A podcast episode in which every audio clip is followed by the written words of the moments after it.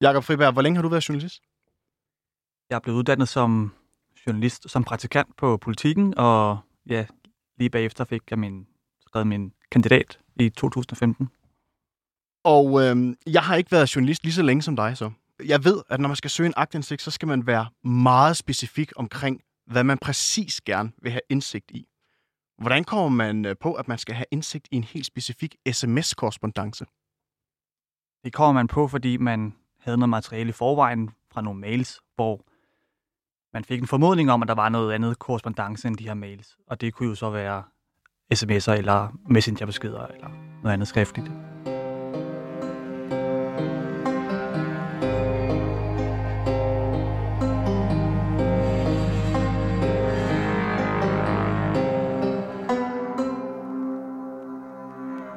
Jakob Friberg er redaktionschef på BT, og de var det første medie til at afsløre, at Mette Frederiksens spindoktor Martin Justesen havde slettet en sms-samtale fra de centrale dage, hvor ansvaret for minkskandalen skulle placeres.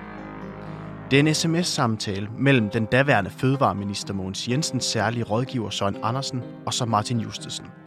Jakob Friberg kommer på sporet af sms-samtalen på baggrund af en mailkorrespondence, hvor der bliver udtrykt, at Martin Justesen ikke er tilfreds med, hvordan der var lagt op til, at Mogens Jensen skulle udtale sig til pressen omkring den 10. november. Og derfor så forsøgte Jakob Friberg at få svar på, om der havde været en sms-korrespondence mellem Søren Andersen og Martin Justesen, og hvad der i givet fald stod i den.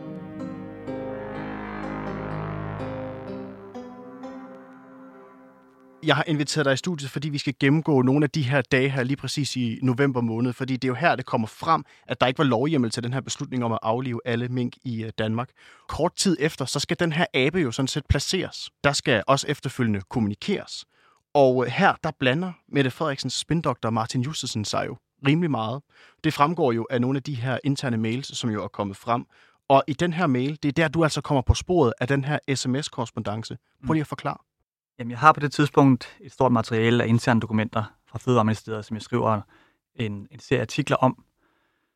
Og der kan vi rigtig nok se, at Mogens Jensen, særlig rådgiver, skriver i en mail til de andre i toppen af Fødevareministeriet, at Martin Justesen, altså overfor statsministeriet, det vil sige Mette Frederiksens stabschef og spindoktor, han har et andet ønske til, hvad Mogens Jensen skal sige til offentligheden om, om, om det med lovhjemmel, end det, som man i Fødevareministeriet vil sige. Når du ser den her mail her, ja. hvor er det lige præcis, at du øh, får en fornemmelse af, at der altså er andre samtaler, der foregår andre steder?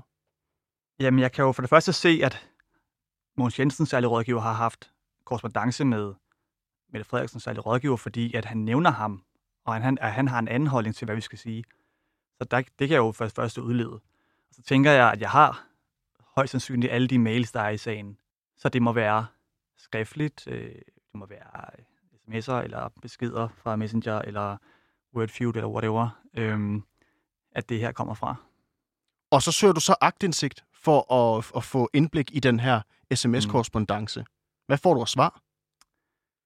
Jeg får et svar fra statsministeriet, at de har søgt i systemet efter dokumenter, der er omfattet af agtindsigt, og vi har ikke identificeret nogen dokumenter. Og hvordan reagerer du på det svar?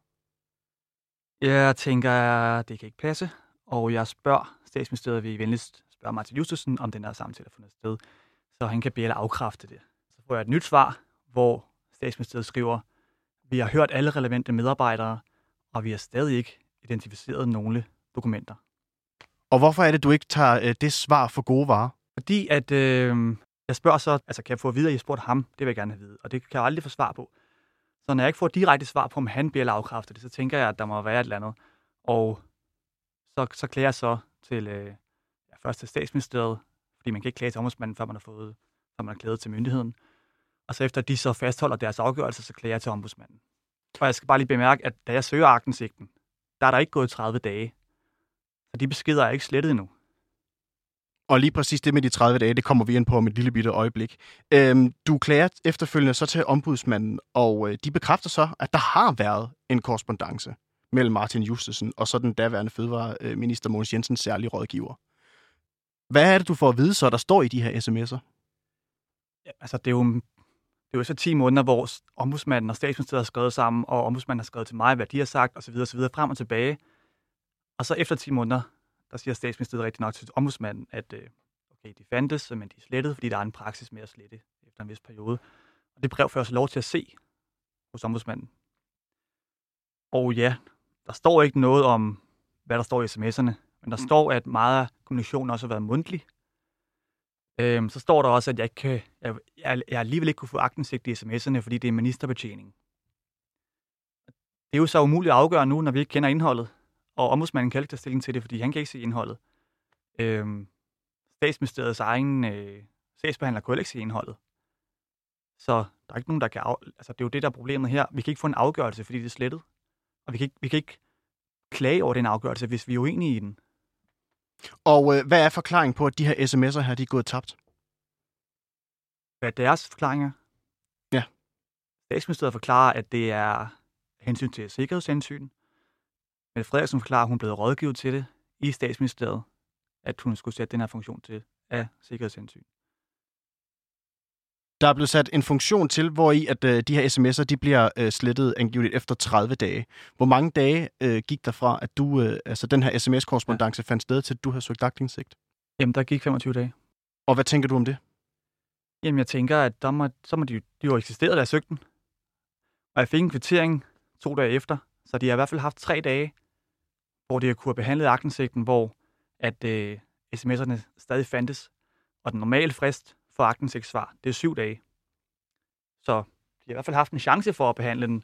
Der står så i, øh, i statsministeriets brev til ombudsmanden, at da de gik i gang med at behandle aktindsigten, der var sms'erne slettet.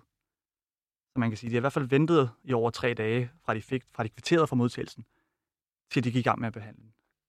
Og øh, I skriver så en række artikler omkring de her slettede sms'er på BT, og der kan man jo så sige, at efter den første øh, artikel om Martin Justesen, den kom frem, så er det jo begyndt at rulle frem for skabet med flere topembedsfolk i statsministeriet, der har slettet deres øh, sms'er, eller har haft den her funktion slået til. Det gælder jo blandt andet øh, departementchef Barbara Bertelsen, departementsråd Pelle Pape, og så statsministeren selv. Har øh, kommissionen på noget som helst tidspunkt bedt om at få udleveret de her sms'er fra de her fire personer? Ja, det har de. Kommissionen oplyser, at de allerede tilbage i april sendte en mail ud til en række ministerier om, at de gammelt sikre materiale, som de skulle bruge herunder sms'er. Så går der alligevel fire og en halv måned hen til september, før statsministeriet skriver til kommissionen, vi har fire telefoner her fra toppen af ministeriet, som øh, har den her funktion på, så de fire personer har ikke sms'er. Men andre længere nede i statsministeriet, de har sms'er, og ikke slettet dem. Så går der fem dage, så sender kommissionen et brev til statsministeriet. Okay, vil I venligst forsøge at genskabe dem og udlevere dem? Det er 13. september. Og så hører kommissionen ikke noget fra statsministeriet igen, har kommissionen forklaret. Først da hele det her plusser op i medierne, og det eksploderer, der hører kommissionen fra Justitsministeriet via Twitter, der melder ud, at nu er de i samarbejde med, øh, med statsministeriet om at, og politiets teknikere gå i gang med at prøve at genskabe det. Så det er altså først, da, da det hele går amok i medierne, øh, kan man sige, på alle medier, at, at der faktisk sker noget i sagen. Og hvorfor er det så vigtigt for os at få indsigt i, hvad der står i de her sms-korrespondencer? Det er det, fordi at vi i de sms'er, der er kommet frem, kan se, at det er en helt ja, central arbejdsgang, at der bliver bestilt øh, beslutningsgrundlag på sms op til det afgørende møde. Altså, folk tæller ofte mere sandt i sms'er end i mails, øh, tror jeg. Fordi nogle gange så regner man heller ikke med, at de kommer frem. Så de er bare, et, et de har været helt central arbejdsgang i, i sagsbehandlingen. Det har gået så stærkt under den her krise, at sms har været brugt rigtig flittigt. To, nogle gange så kommer nogle ting frem i sms'er, fordi folk tror, at de aldrig kommer frem. De kan jo ikke forvente, at der kommer en kommission. Synes du, vi har fået indblik i nogle særlige detaljer lige præcis gennem sms-korrespondencer i den her grænsningskommission indtil videre?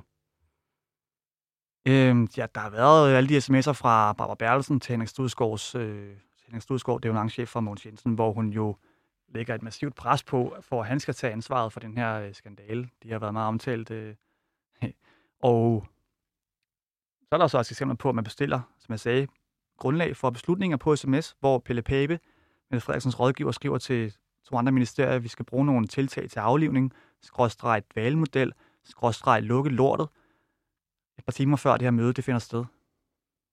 Og øh, nu øh, bliver der jo lagt massivt pres på, for at øh, de her sms'er, de skal gendannes, hvis det altså er, er muligt. Øhm, Tror du nogensinde, vi får indsigt i, hvad der står i de sms'er? Eller tror du, de er tabt? Vi kan i hvert fald konstatere, at eksperterne siger, at jo længere tid der går, og jo mere man bruger telefonen, jo større chance er der for, at de sms'er er gået tabt. Så den proces, vi har set her, hvor det er forsinket med mange måneders arbejde, det gør det ikke nemmere i hvert fald at få dem frem. Om de kommer frem, det kan jeg ikke svare på. Jeg er ikke uh, IT-ekspert. Og hvad tror du, det her det gør ved sagen, hvis det er, at vi aldrig nogensinde får indsigt i de her sms'er? Man kan sige, at det er jo... Man må håbe også for dem, der er impliceret, at, at, det kommer, at de kommer frem, fordi hvis ikke, så kan, så kan man sige, at der hænger sådan en skygge over, og de ikke bliver renset i gåseøjne. Ikke? Så det er jo også i deres egen interesse for dem, der har handlet korrekt i den her sag, at de kommer frem. Så vi kan få afmystificeret også, hvad der står i dem.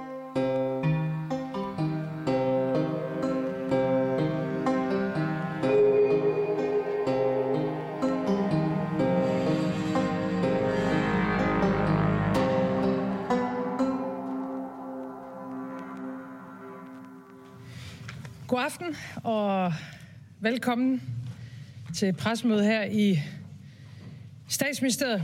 I den seneste uge, der er der... Den 3. november 2021, altså på årsdagen for mødet i koordinationsudvalget, hvor regeringen traf beslutningen om, at alle mink i Danmark skulle slås ned, der indkaldte statsminister Mette Frederiksen til et presmøde i statsministeriet. For nu er spørgsmålet om de her sms'er altså begyndt at hobe sig op. Hvem rådgav statsministeren til at slå funktionen til, og hvornår blev den slået til?